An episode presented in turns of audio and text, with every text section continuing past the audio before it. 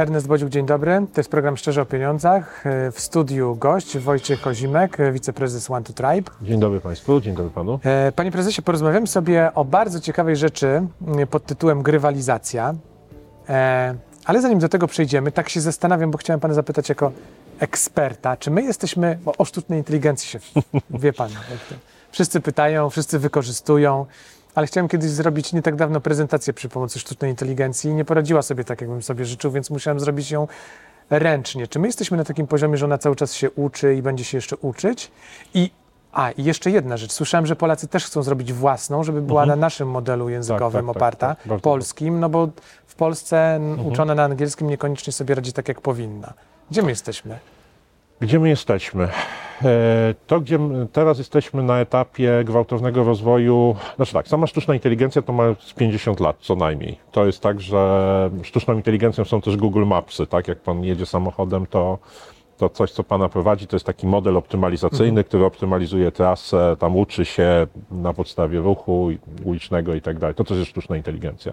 Natomiast to, co teraz, y, to, co teraz wybuchło, to są duże modele językowe. Duże modele językowe, które większość ludzi postrzega jako chat GPT, Aha. y, bo to jest ten model językowy, który pierwszy w tak wielu językach, w takim y, obszarze, w tak dużym zakresie po prostu był dostępny dla każdego, tak? Trochę jak Google kiedyś podbił rynek wyszukiwarek, bo wszedł po prostu masowo z fajnym algorytmem i po prostu no, pojawił, no, pojawił się taki algorytm, który potrafi rozwiązać dużo problemów, ale nie wszystkie.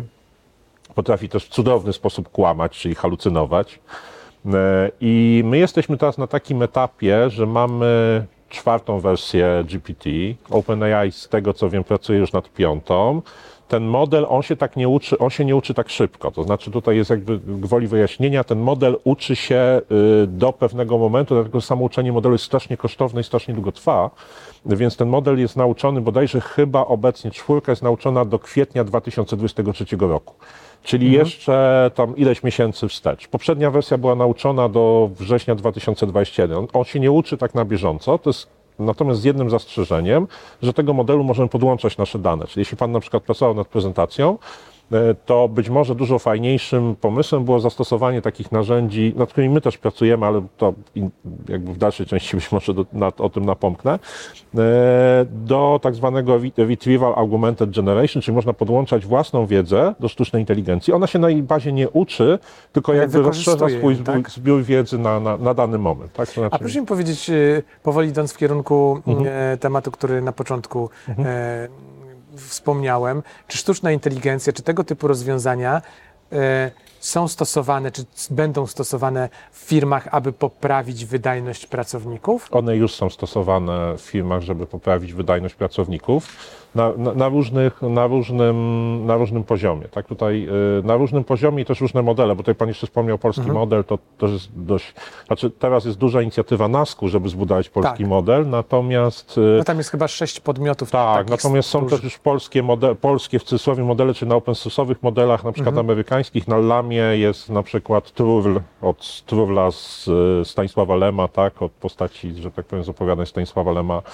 E, Jest też taki model firmy VoiceLab bodajże zrobiony, to też jest, on też, to też jest de facto polski model, tak? Więc y, natomiast ten naskowy no, ma, być, y, ma być duży. Jest także model europejski, Mis, Mistral bodajże od wczoraj jest taka wersja, która może konkurować z GPT, więc i to jest bardzo dobry, to jest w ogóle bardzo, biorąc pod uwagę właśnie to, że firmy stosują te modele do tego, żeby na przykład wspierać obsługę klienta, tak? Czyli na przykład odpowiadanie na, na, na, na, na obsługę klienta, podpowiadać pracownikom, co mają robić, to jest między innymi to, co my robimy, e, wspierać na przykład tworzenie, nie wiem, dokumentacji, przeglądanie dokumentacji, no to tworzenie własnego modelu jest jak najbardziej takiego, no, jak się mówi, narodowego modelu, jest jak najbardziej uzasadnione, powinniśmy mieć własny model.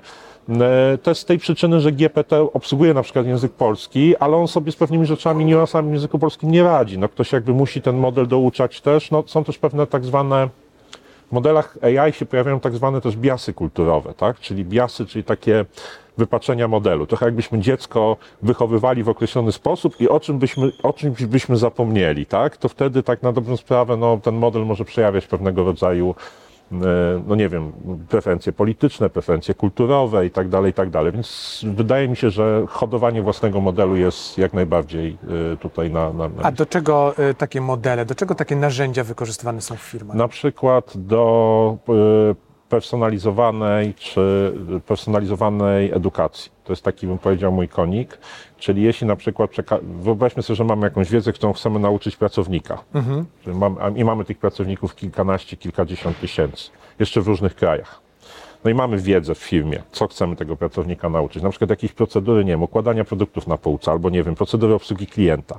I teraz y, transfer wiedzy jest wtedy skuteczny, i to już jest psychologia, kiedy jest dostosowany. Jak mamy nowego pracownika, to podajemy mu tą wiedzę w inny sposób, jak zaawansowanego w inny sposób. I no, możemy mieć tych, że tak powiem, tych segmentów pracowników zaawansowanych, y, w odpowiedni sposób przygotowanych w różnych regionach, bo to mogą być różne języki. Możemy mieć bardzo dużo, tak? No i teraz jak tym ludziom tę wiedzę przedstawić? No, no można oczywiście zatrudnić e, copywriterów, którzy będą przygotowywać ten, te, te materiały, ale oni przygotują czasami tam te materiały, tę wiedzę, to ta wiedza nam się po prostu e, zestarzeje. Więc tutaj jednym z takich fajniejszych mechanizmów, które można wykorzystywać w oparciu o sztuczną inteligencję, to są narzędzia do przetwarzania wiedzy, do wyciągania wiedzy z dokumentów, sumaryzacji, podsumowywania, ale one mogą brać pod uwagę specyfikę tego, do kogo się mówi, tak? Czyli możemy na przykład mieć szkolenie e-learningowe z, nie wiem, procedury obsługi klienta dla kilkudziesięciu tysięcy ludzi na całym świecie, ale wdrożone no, w ciągu, nie wiem, kilku dni tak de facto. Tak, my robiliśmy taki eksperyment z jedną z globalnych firm i to faktycznie, to faktycznie działa. Oczywiście ma to jeszcze, to jeszcze nie jest, tak, tak mówiłem wcześniej, narzędzia AI mają swoje minusy jeszcze, ale to jest zupełnie inny, to jest jakby przeskok skali, jest z miesięcy pracy nad tak zwanym contentem do dni, tak? Więc To, jest niesamowita różnica. to jest niesamowita różnica i to samo na przykład jednym z takich moich, e, znaczy moich, naszych marzeń, moich, moich też, ale to, są, to jest jakby filmowa, jakiś tam pomysł nasz filmowy, no to jest na przykład zastosowanie tego do edukacji, no skoro można edukować pracowników, to być może też można edukować w ten sposób, no na przykład młodzież, tak, czyli na przykład z jakichś tematów, ja nie mówię o wiedzy podstawowej, ale z jakichś, nie wiem, tematów dotyczących fizyki, matematyki i tak dalej. Tak dalej. E, No, matematyka by się przydała, fizyka, czemu nie? Tak. A proszę mi powiedzieć, skoro jesteśmy przy pracownikach, pracownicy lubią ze sobą rywalizować, czy nie? No to idziemy już 20, bardzo... My mamy badania, które tam pokazują 19 tam 4, 19,5% pracowników lubi ze sobą rywalizować. Yy,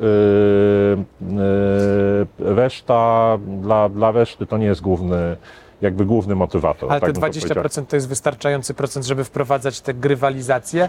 Yy, My nie lubimy słowa grywalizacja wiem, ale właśnie dlatego. Nawet czytałem o tym gdzieś. Aha. No tak, no bo mamy gra, rywalizacja, rywalizacja, no to My na sportowej gamifikacja, bo to jest być. tak de facto, jak pan weźmie gry komputerowe i budowę gier komputerowych, to w grach komputerowych wykorzystuje się nie tylko rywalizację, wykorzystuje się różne mechanizmy. Wykorzystuje się mechanizmy społeczne, czyli współpracy ludzi Mhm. ze sobą, jak nie wiem, mamy teraz popularne wśród dzieciaków, nie wiem, Robloxa czy Minecrafta, gdzie oni coś wspólnie budują. Tak. To też to się wykorzystuje. Wykorzystuje się e, mechanizmy odkrywania, eksploracji, czyli ja coś odkrywam. Wykorzystuje się mechanizmy też e, takie bym powiedział e,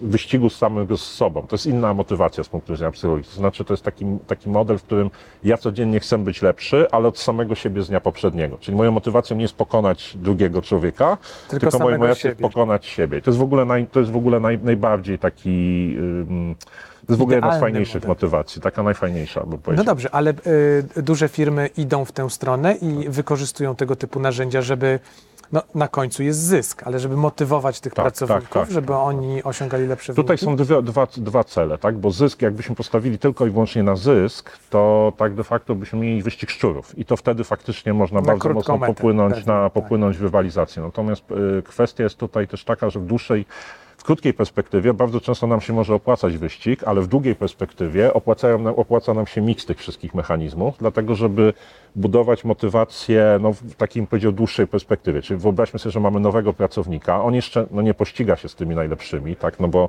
jak weźmiemy, nie wiem, wprowadzimy go do wyścigu, no to najlepszy sprzed, on ma do tego najlepszego sprzedawcy zazwyczaj bardzo daleko, jak dopiero zaczyna pracować, no ale możemy go na przykład wciągnąć właśnie w ten rozwój codziennie sam ze sobą, czy wciągnąć go w jakąś grupę, którą będzie prowadził jakiś inny lider. I do tego też, Aha. służy, do tego też służy gamifikacja, tak?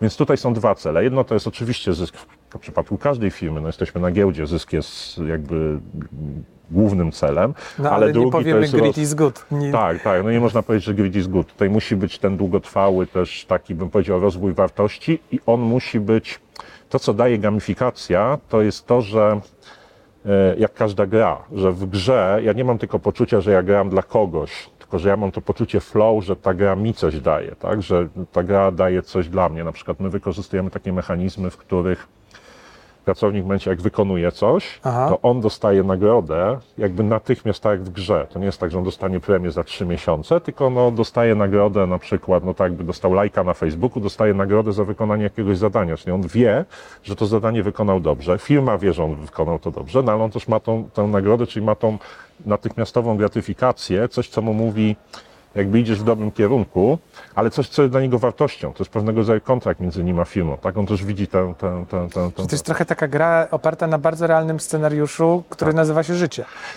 E, to pan uchwycił w ogóle sedno gamifikacji jako takiej definicji, tak? Bo jak mamy klasyczną grę, to mamy pewien wymyślony świat i na, na bazie tego wymyślonego świata mamy zadania, punkty. No jakbyśmy wzięli Wiedźmina, tak? Wiedźmin Aha. tam chodzi po świecie, zabija potwory, tak? E, dostaje punkty.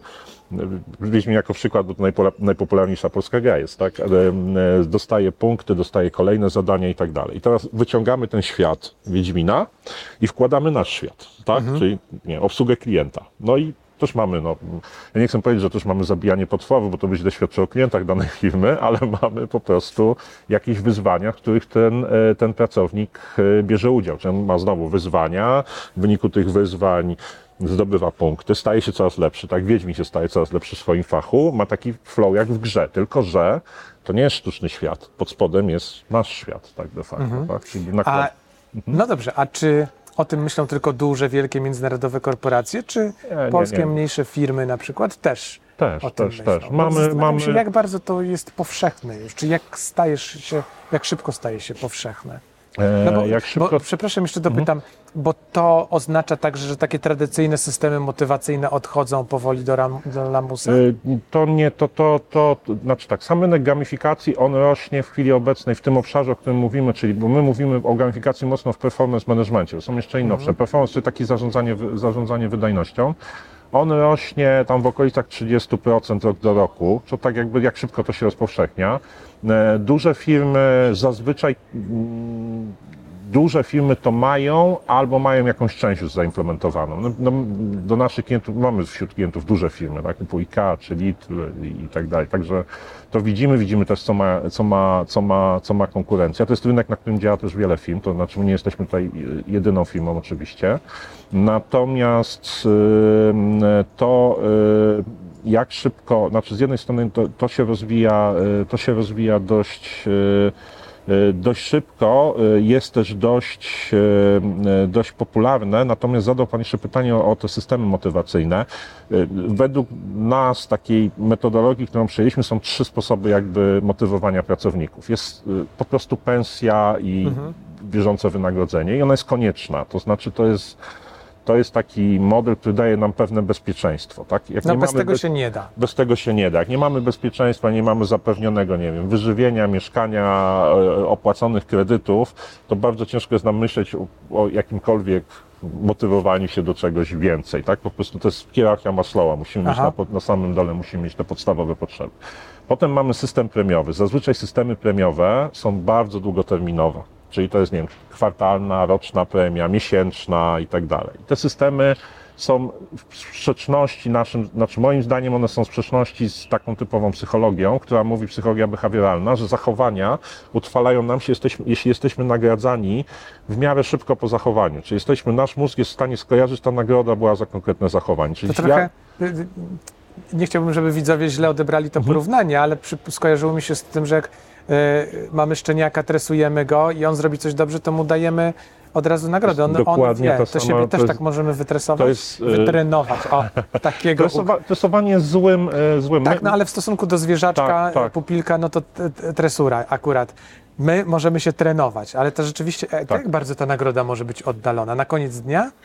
Y, Ona może być nawet na koniec miesiąca, natomiast stosuje się tak zwany token economy po drodze, czyli taką ekonomię tokena, czyli że na przykład y, dajemy bardzo małą część nagrody i p- Kolekcjonujemy sobie, sobie, tak? kolekcjonuje na tę większą nagrodę, bo dla naszego mózgu, tak like na Facebooku naszego mózgu jest nagrodą, też ten mały token też jest nagrodą, czyli my możemy oddalić tą większą nagrodę, taką realną, materialną, ale musimy dać coś takiego e, materialnego, e, przepraszam, wirtualnego. Natomiast to, co, to, co jest tutaj istotne, to znaczy pan poruszył jakby sedno, tak? My jesteśmy jakby jako ludzie, jest jakby kilka, kilka, kilka teorii, w jaki sposób jesteśmy motywowani, tak? I jednym to jest psychologia behawioralna, to jest właśnie taką, ona jest w tym naszym takim mózgu niemalże gadzim. To znaczy, no, to jest dokładnie ten sam sposób, jak, jak, jak, e, jak nie wiem, twórca psychologii behawioralnej, Skinner, uczył na przykład gołębie grać w ping-ponga. I mu się udało. Znaczy, jest taki filmik nawet na YouTube, jak te gołębie grają w ping-ponga, właśnie Tak, Karmiąc nie je za każdym muszę, razem. Tak, muszę sprawdzić. Polecam. To jest film w ogóle z lat tam chyba 50. czy 60., czarno-biały i tak dalej.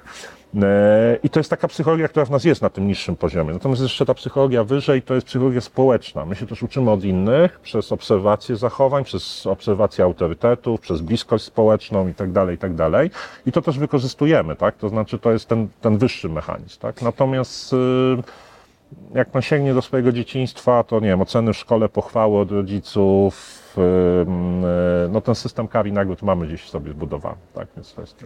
No tak, poza tym każdy lubi być nagradzany, no to jest... Tak. Potem proszę spojrzeć na rynek gier komputerowych, który no, opiera się w dużym stopniu, projektowanie gier opiera się o psychologię behawioralną, tak jak potężny jest to rynek dzisiaj. Mhm.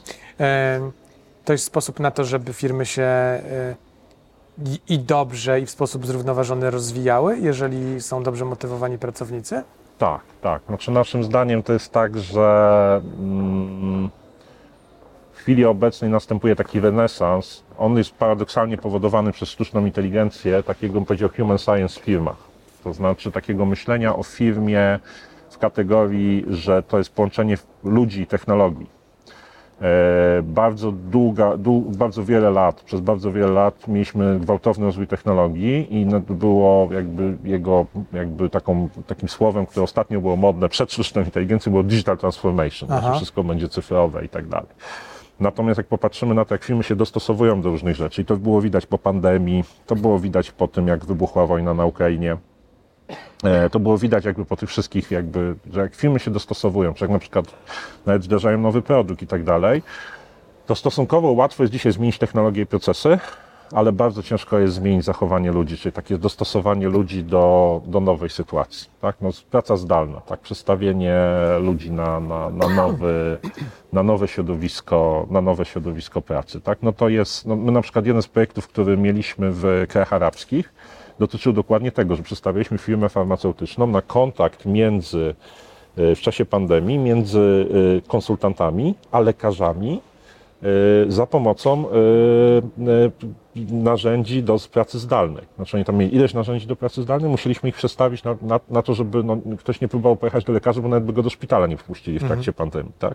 I, I tam było mnóstwo takich mówię, drobiazgów, jak się pisze maila, jak się podsumowuje rozmowę, gdzie się zostawia informacje, jak się organizuje webinar, które były typowo behawioralne. Prostu ludzie musieli nauczyć się nowego stylu, kompletnie stylu życia. No i teraz, e, teraz e, to, co, to, co dzisiaj jakby my widzi, widzimy i to, co też widać po, po sztucznej inteligencji, to to jest dokładnie ten model, tak? że, że zaczynamy myśleć o technologii jako pewnym rozszerzeniu nas, naszej psychologii, naszego mózgu i tak dalej. Zresztą to, to jest taka teoria, która też jest na świecie od dość dawna, a w chwili obecnej staje się coraz bardziej popularna.